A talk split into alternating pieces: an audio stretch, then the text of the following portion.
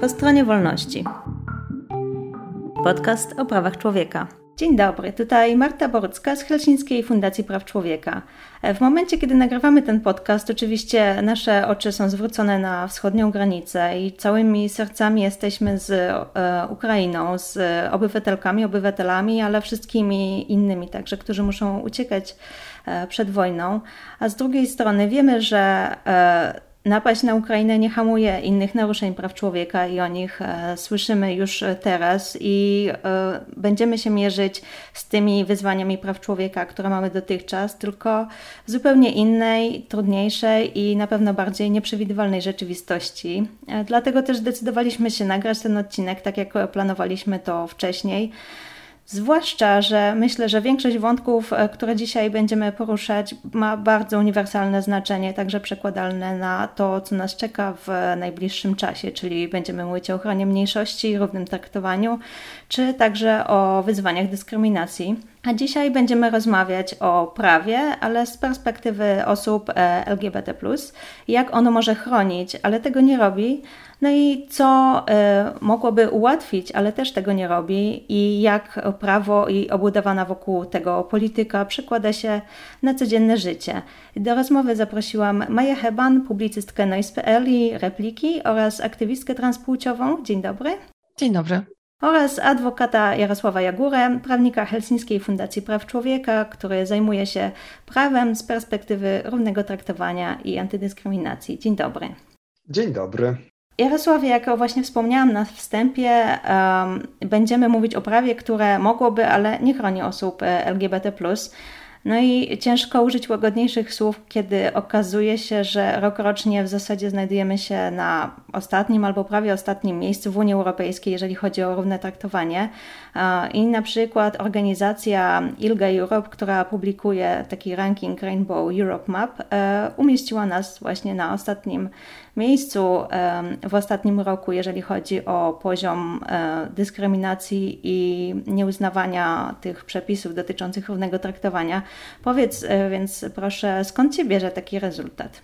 No jest to wynik tego, że od wielu lat tak naprawdę nasze przepisy w ogóle się nie zmieniły i w zasadzie jedyny obszar, w którym mamy w pewnym sensie zapewnioną ochronę przed e, dyskryminacją ze względu na orientację seksualną i tożsamość płciową, to tak naprawdę jest obszar e, zatrudnienia, prawa pracy czy zatrudnienia poza e, pracowniczego. Pozostałe obszary niestety tutaj pozostają niezagospodarowane. Mm, jeżeli mówimy o przestępstwach z nienawiści, nienawiści, brak jest tutaj ochrony dla osób e, LGBTI. E, nie mamy oczywiście przepisów e, przewidujących prawne uznanie związków osób tej samej płci, czy to w formie małżeństwa, czy w formie związku partnerskiego. Mamy kompletnie niedostosowaną do specyfiki procedurę uzgodnienia płci dla osób trans płciowych. E, więc jakby w tej przestrzeni prawnej mamy tak naprawdę bardzo dużo e, problemów, e, i, a mało pozytywnych, mm, pozytywnych rozwiązań. Nawet w ostatnim czasie ten poziom ochrony i tak niewielki się skurczył. Myślę tutaj na przykład o sferze ochrony w zakresie dostępu do dóbr y, i usług. Kiedyś y, mieliśmy przepisy kodeksu wykroczeń, które były wykorzystywane w kontekście antydyskryminacyjnym w ostatnim czasie, no ale no niestety na skutek wyroku Trybunału Konstytucyjnego, który no nie jest niezależnym i bezstronnym Trybunałem Konstytucyjnym, no doszło do stwierdzenia niekonstytucyjności mm, tych przepisów, które tutaj w zakresie dostępu do dóbr i usług dla osób nieheteronormatywnych w jakiś sposób mogły pomóc. Więc jakby ostatnie lata to nawet skurczenie tej niewielkie, tego niewielkiego zakresu e, ochrony. Ale z drugiej strony mamy wiele spraw, które się toczą przed Europejskim Trybunałem Praw Człowieka. Czy zapadły może już jakieś decyzje, które by nakazywały polskim władzom jednak e, podwyższyć ten poziom ochrony? Hmm. E, to jest tak, że oczywiście mamy tutaj wyroki e, sądów, nawet też i krajowych czy międzynarodowych, które gdzieś tam wskazywałyby na konieczność e, udzielania mm, ochrony. Natomiast jest to jakby dość wycinkowe i na pewnych, w pewnych tylko obszarach. Cały czas czekamy na na przykład na wyroki mm, Europejskiego Trybunału Praw Człowieka w sprawach polskich dotyczących no właśnie braku prawnego uznania dla związków osób tej samej płci. Mm, mamy już takie wyroki e, w sprawach e, na przykład włoskich, więc jakby tutaj standard e, ten międzynarodowy w Europie mamy już ukształtowany i teoretycznie Polska powinna się tutaj w tym zakresie dostosować do tego i ponieważ Trybunał jasno wskazał, że brak tutaj zapewnienia jakiegokolwiek uznania dla tych relacji osób tej samej płci, no jest naruszeniem Europejskiej Konwencji Praw e, Człowieka. Do tej pory, oczywiście z przyczyn politycznych, to nie zostało w Polsce, mm, w Polsce zmienione. Mamy bardzo ważne wyroki e, Trybunału Sprawiedliwości Unii Europejskiej, które też wskazują na przykład na konieczność wydawania dokumentów tożsamości mm, dla dzieci e, tęczowych rodzin, w których to dokumentach będą wpisani oboje mm, rodzice niezależnie od e, płci, po to, żeby umożliwić tym dzieciom swobodne podróżowanie e, po terenie Unii Europejskiej.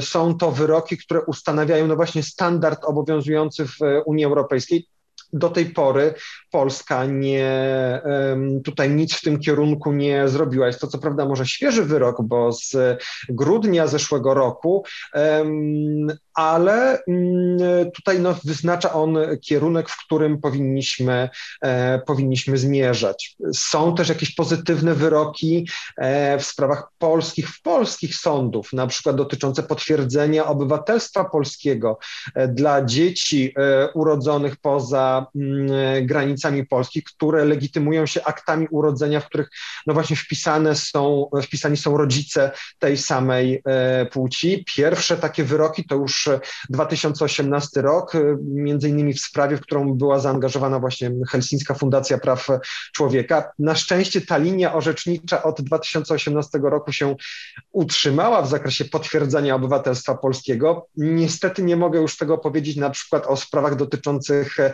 transkrypcji tych zagranicznych aktów urodzenia, gdzie po początkowych, no, początkowych po sukcesach z 2018 roku.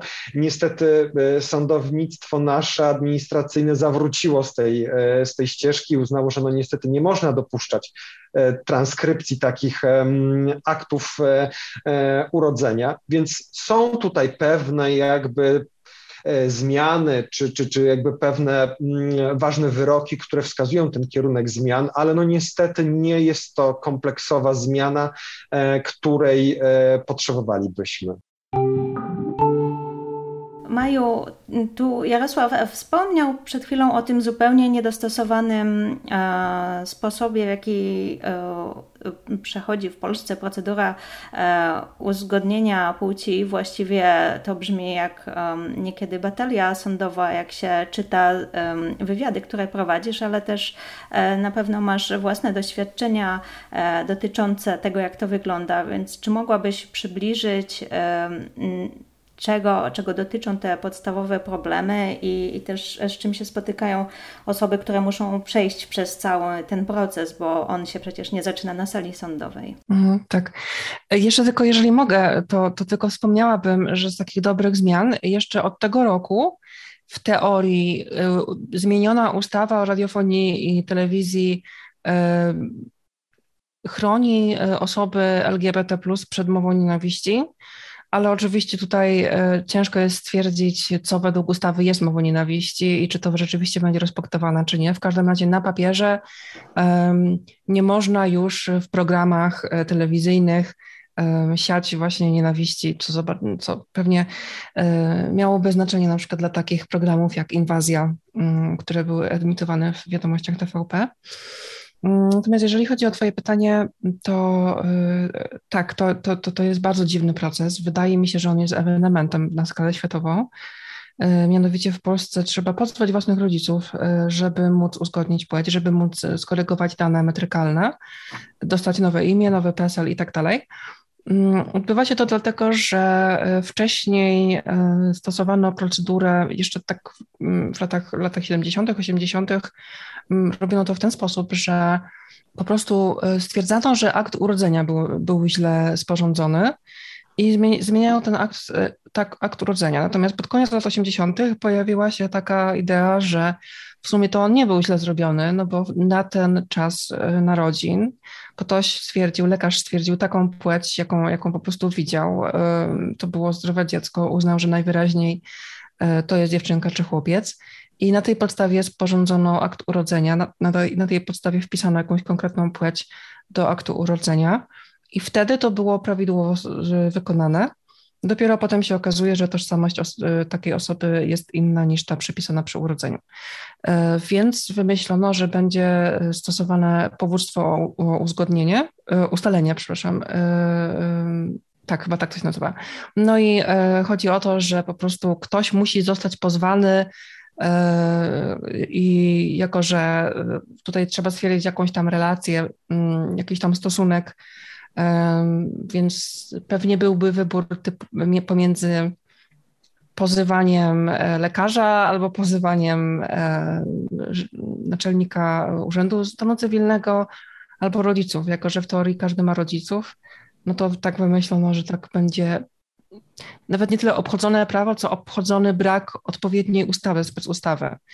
Mm, były oczywiście w 2015 roku e, próby, próby uchwalenia takiej ustawy, nad którą pracowała m.in. wtedy posłanka Anna Grodzka, ale nie było politycznej woli, żeby taką ustawę przyjąć i ona po, y, po wecie Andrzeja Dudy została tak naprawdę zakopana przez ówczesną władzę, która miała możliwość to weto odrzucić, ale tego nie zrobiła. Mm, no więc jako, że nie ma żadnego, żadnej ustawy, która by regulowała to, w jaki sposób osoby transpłciowe mogą korygować płeć, a powinny to robić tak naprawdę na drodze administracyjnej. Na podstawie diagnostyki po prostu powinny stwierdzać, że no taką mam diagnozę, jestem trans, więc poproszę o zmianę dokumentów. No, odbywa się to mm, dużym kosztem emocjonalnym, e, finansowym, czasowym. Myślę, że w takich najlepszych przypadkach, kiedy się po prostu pozywa swoich rodziców, to potem i tak trzeba czekać kilka miesięcy na, na termin rozprawy potem rozprawa ma miejsce. Jeżeli wszystko idzie jak najlepiej, tylko się da, to potem jeszcze trzeba poczekać jakiś czas, aż e, wyrok zostanie przesłany do Urzędu Stanu Cywilnego, no i poczekać na nowe dokumenty. Więc w najlepszym, absolutnie najlepszym możliwym wypadku to jest przynajmniej kilka miesięcy.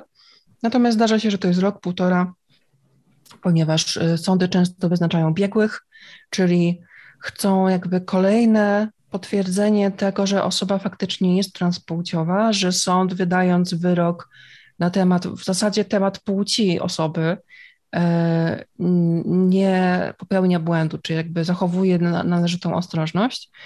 Więc mimo tego, że przechodzi się razem z psychologiem i seksuologiem diagnostykę, żeby w ogóle zacząć tranzycję, mm, czyli terapię hormonalną, e, to i tak trzeba na przykład skonsultować się z kolejnymi biegłymi sądowymi mm, które to często są, to, to, to są często dosyć kosztowne, kosztowne konsultacje, bo one mogą kosztować na przykład 2000 zł za, za nie wiem, godzinną, półtora godzinną rozmowę i ci biegli potem wysyłają te opinie, które sporządzają razem z aktem oskarżenia do oskarżonych, czyli do rodziców.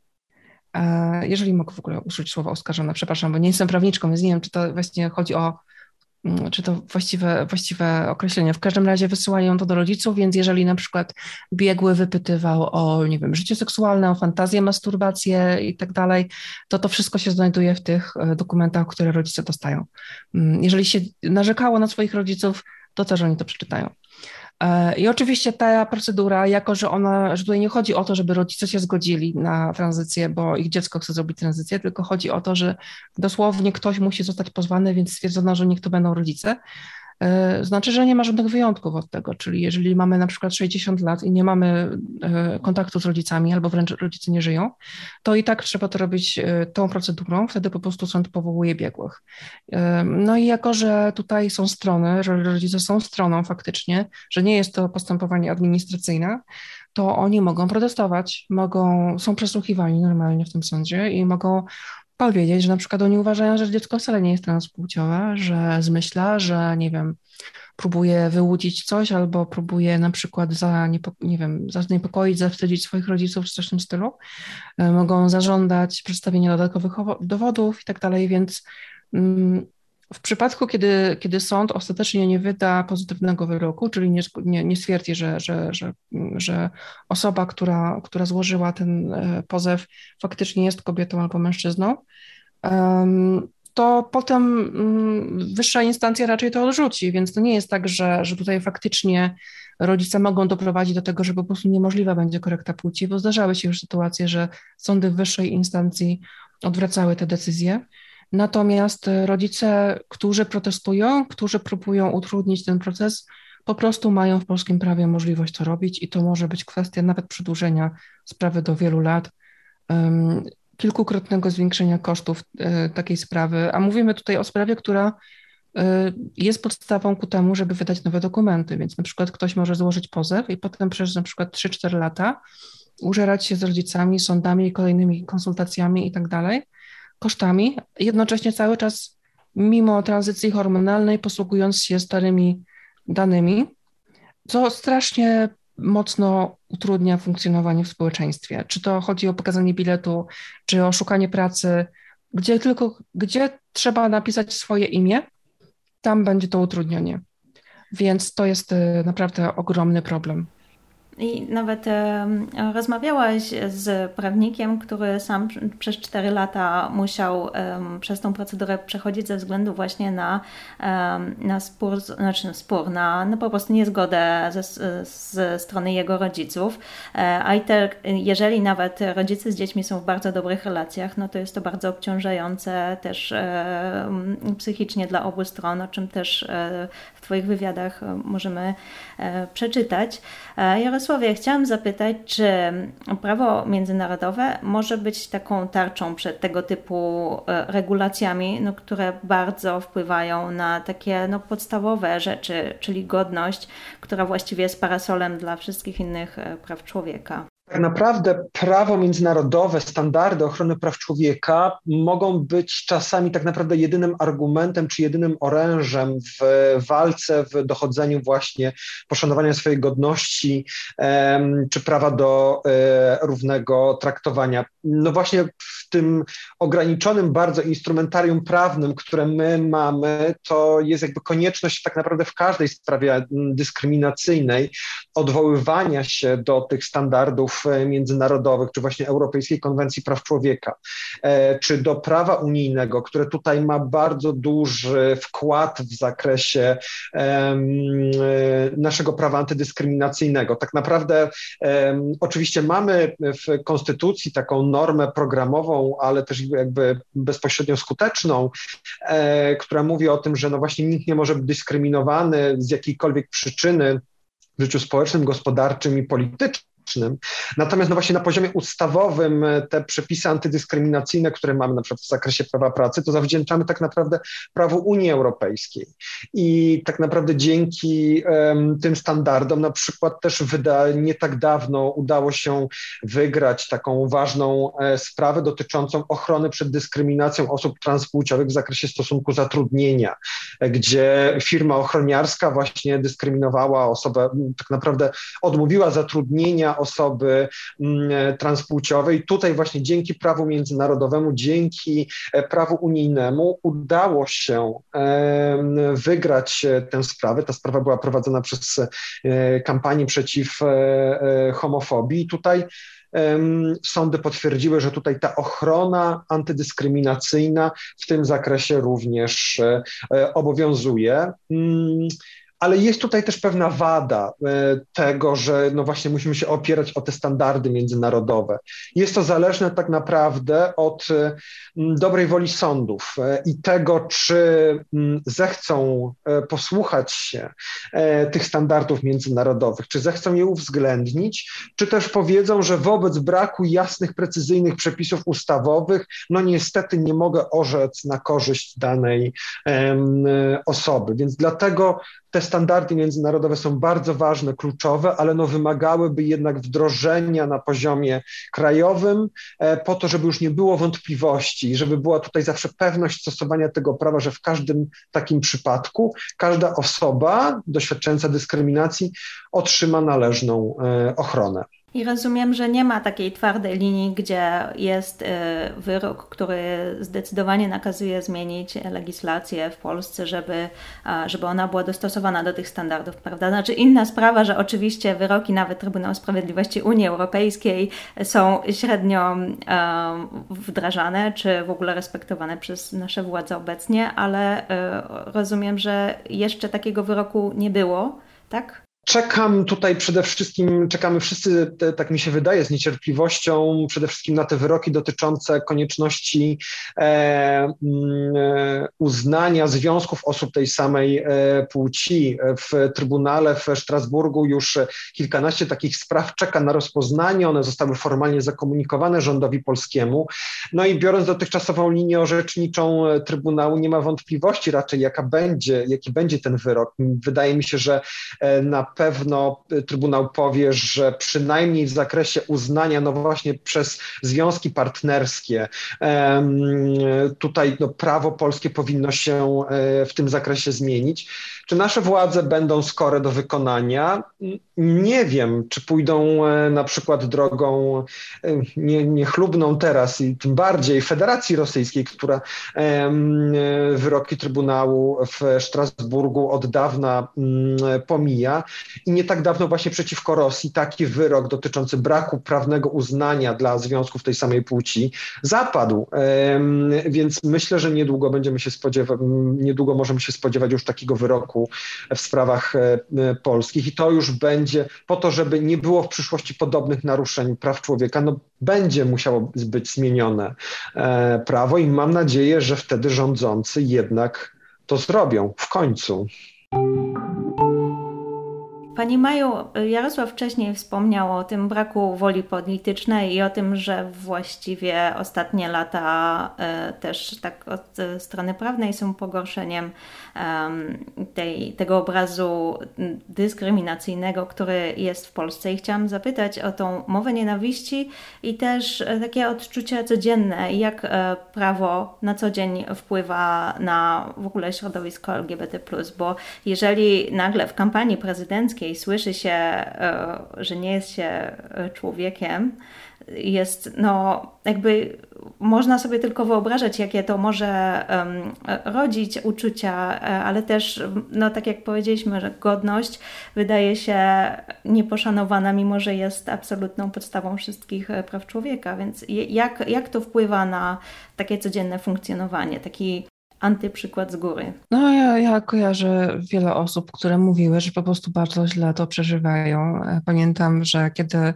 ta kampania nienawiści, jak to się powszechnie o niej mówi, e, miała miejsce, bo to były takie powiedzmy półtora roku takiej zmasowanej nagonki na osoby, na osoby LGBT+, która potem oczywiście trochę przycichła, trochę temat się znudził, ale generalnie to, to, to wraca w jakiejś tam formie, chociażby na przykład y, retoryka wokół e, Lex Czarnek, która często tak, jest, tak, jest, jest pokazywana jako pro, jakby protest przeciwko demoralizacji dzieci, czy przeciwko właśnie seksualizacji dzieci.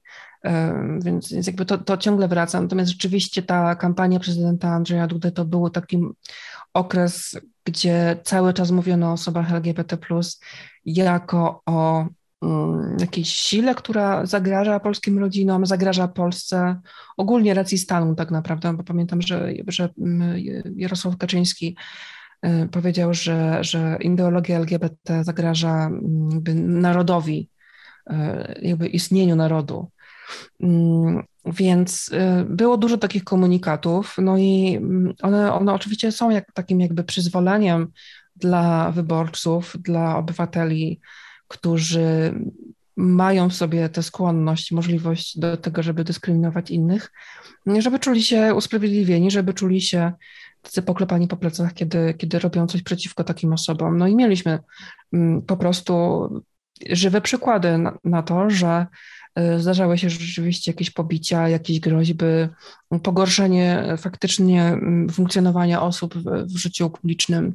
Mieliśmy przykłady, gdzie na przykład okna e, były zaznaczane, e, okna, okna mieszkań, e, na przykład pary homoseksualnej były zaznaczane jako tutaj, tu mieszka LGBT, czy coś takiego.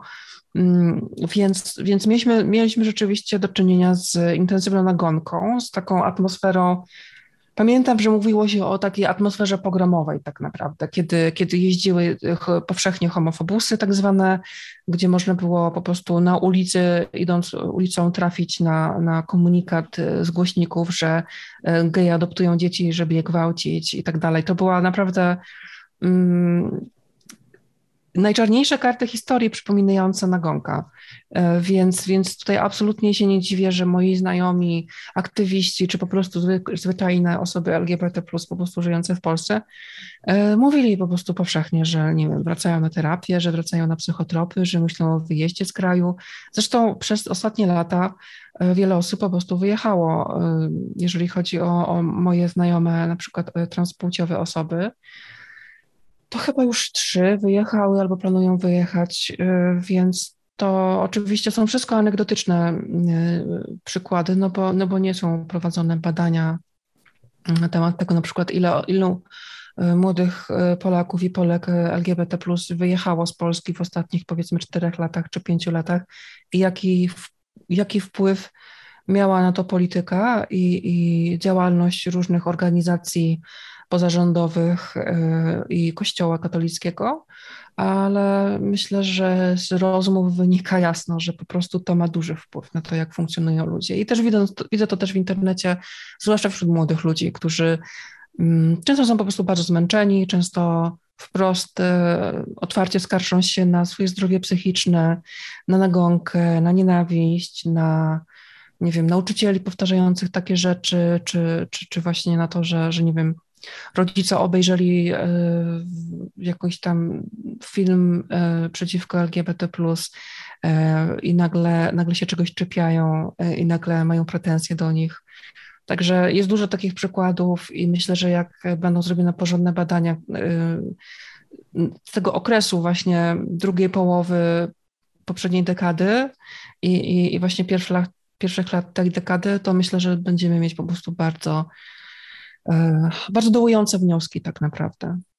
I chciałam też zapytać, jak to wpływa na mm, akceptację ze strony rodziców, na przykład, i w ogóle decyzję o tym, żeby, żeby się wyautować, jak to się mówi um, potocznie, bo z jednej strony faktycznie jest ta niechęć, jest wręcz e, propaganda e, nienawiści, można by powiedzieć, i taki systemowy hejt, który e, został zapoczątkowany tak naprawdę przez prezydenta, ale tak jak słusznie powiedziałaś, no jest kontynuowany chociażby przez obecnego ministra edukacji, ale z drugiej strony wydaje się, że mm, tworzą się grupy dla rodziców osób LGBT, że tworzy się faktycznie ruch osób, które, e, ponieważ e, były tak oficjalnie, e, jakby powiedzieć, znienawidzone przez władzę, zaczęły szukać solidarności i się grupować. Czy to nie jest tak, że być może paradoksalnie tego typu nagonka spowodowała takie działania solidarnościowe i że może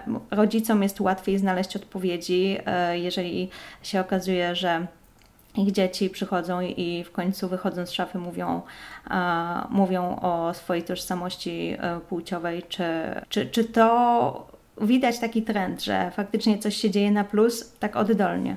Wydaje mi się, że tak, że się trochę odbijamy od dna i, i ta koncentracja e, polityków na temacie LGBT, tak naprawdę przy, przy, trochę się przesun- przełożyła na zwiększenie zainteresowania tematem.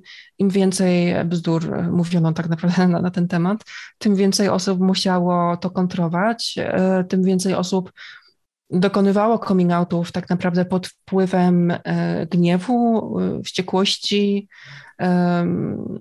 Zresztą ja jestem tego dobrym przykładem, bo ja sama tak naprawdę trochę zaczęłam swój aktywizm pod wpływem tego, co się działo, to, co się działo w polityce, w mediach.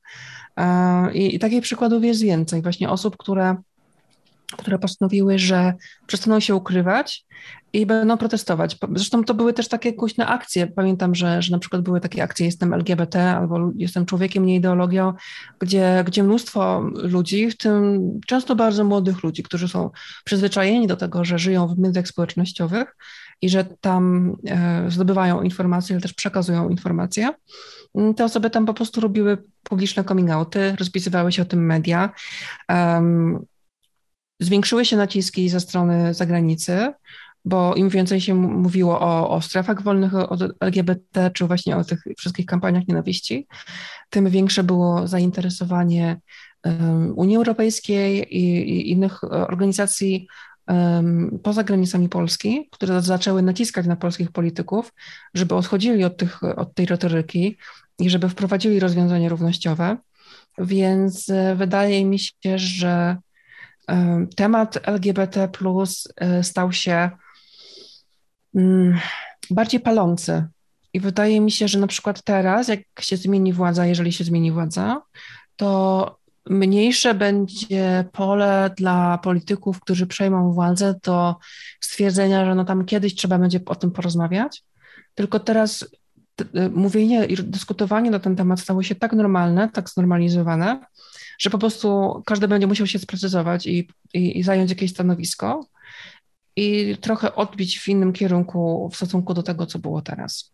Więc myślę, że, że tak, że paradoksalnie mm, cała ta negatywna atencja też przełożyła się na sporo takiego sprzeciwu i sporo takiego przesuwania się granic dyskursu w obie strony. To znaczy, że widzimy więcej skrajności, ale też widzimy część, powiedzmy, takiego centrum przesuwającego się w stronę sojusznictwa. Tak myślę.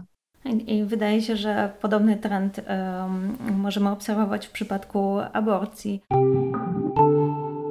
Na koniec chciałam Was poprosić o takie trzy postulaty, e, co Polska powinna najpilniej zrobić, może jak się nie uda trzy, to może być więcej albo mniej, e, co Polska powinna zrobić, żeby zmienić e, tę sytuację, żeby no, skończyć z dyskryminacją i E, zrobić to, co powinna zgodnie ze wszystkimi swoimi zobowiązaniami międzynarodowymi, czyli wprowadzić równe traktowanie osób LGBT. I może od takiej prawnej strony bym najpierw zaczęła. Jarosławie, co byś zaproponował? Hmm, ciężko może być się w trzech punktach zmieścić, ale spróbuję. Dlatego no powiedziałam, że może być więcej. Związki partnerskie i małżeństwa to jest jedna rzecz.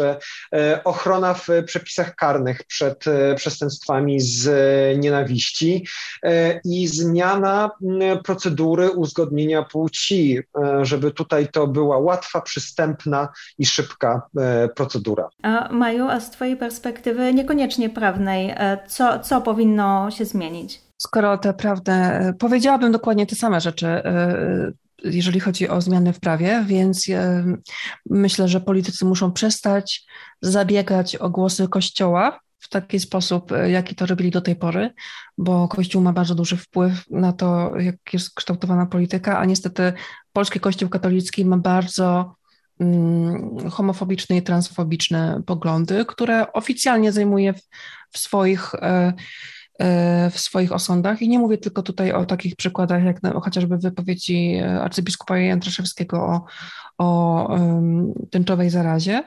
Na przykład w oficjalnym swoim stanowisku episkopat um, powiedział, że zdaje sobie sprawę z tego, że jego stanowisko jest niezgodne z tym, co mówi nauka obecnie i co mówią psycholodzy i aktywiści praw człowieka i tak dalej. E, ale e, marzyłoby się polskiemu episkopatowi, żeby na przykład były centra e, tak zwanej terapii konwersyjnej, czyli czyli de facto tortur psychologicznych mm, mających zmienić orientację człowieka, działające przy kościołach. Więc, więc to jest taki, taki, takie źródło po prostu tych wszystkich złych pomysłów, które nie powinno mieć takiego wpływu na politykę. Myślę, że politycy każdej opcji powinni e, w Polsce e, zrobić poważną refleksję na temat własnej przeszłości, bo teraz będziemy patrzeć z nadzieją w kierunku liberałów, że oni przejmą władzę i oni będą mieli um, możliwość wprowadzić jakieś zmiany. Tutaj niestety trzeba się będzie trochę rozliczyć tą przeszłością, bo to są osoby, które przez wiele, wiele, wiele lat zwodziły osoby LGBT, zabiegały o nasze głosy, a potem się okazywało, że no, O tych rozwiązaniach możemy porozmawiać kiedyś. Na razie nie możemy, bo na razie musimy się zająć ważniejszymi rzeczami, a tematy zastępcze zostawimy na koniec. No i tego efekt był na przykład w 2015 roku, kiedy, kiedy właśnie odrzucono, kiedy, kiedy nie skorzystano z możliwości, żeby odrzucić weto prezydenckie w sprawie, um, w sprawie e, korekty płci, czy kiedy kilka już tak naprawdę projektów związków partnerskich odpadło w Sejmie. No i myślę, że e, potrzebne są zmiany w edukacji, bardzo potrzebne, dlatego że edukacja jest, e, jest takim miejscem, gdzie kształtuje się światopogląd, kształtuje się też trochę samoocena. A w tej chwili nie mamy rzetelnej edukacji seksualnej, nie mamy właściwie żadnej edukacji seksualnej, Mamy religię w szkołach, więc na przykład młoda, nieheteronormatywna osoba idąca do szkoły publicznej nie dość, że nie usłyszy tego, y, że jeżeli jest na przykład podejrzewa, że może mieć pociąg do osób tej samej płci, albo że może mieć tożsamość płciową niezgodną z płcią przypisaną przy urodzeniu, czyli może być trans. Ta osoba nie dość, że nie usłyszy tego, że to jest normalne, że to się zdarza i co można z tym zrobić, albo czego po prostu się z tym nie robi, tylko po prostu się to zostawia. Mm, nie dowie się tego, y, jak wyglądają bezpieczne i zdrowe praktyki seksualne wśród osób homoseksualnych czy biseksualnych. Nie dowie się, że jest możliwa i legalna tranzycja.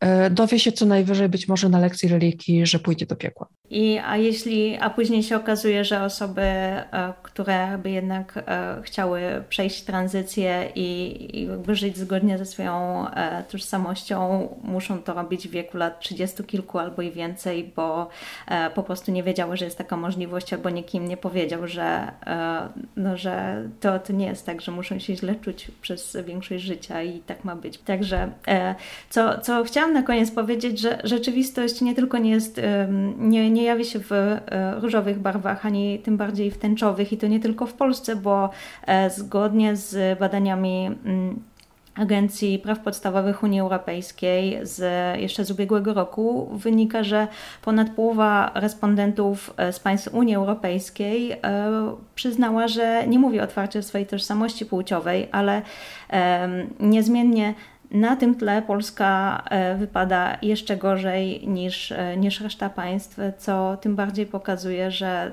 to, e, tak jak Maja powiedziała, nie jest temat zastępczy i, i nie może być za taki uznawany, i też liczymy na to, że, um, że jednak będzie on na pierwszych stronach gazet i to z powodów pozytywnych, a nie negatywnych. Um, bardzo dziękuję za rozmowę dzisiaj i za przybliżenie nam i rzeczywistości, i sfery prawnej. Rozmawialiśmy z Mają Chyban i Jarosławem Jagurą. Dziękuję serdecznie. Dziękuję bardzo. Dziękujemy. Do usłyszenia.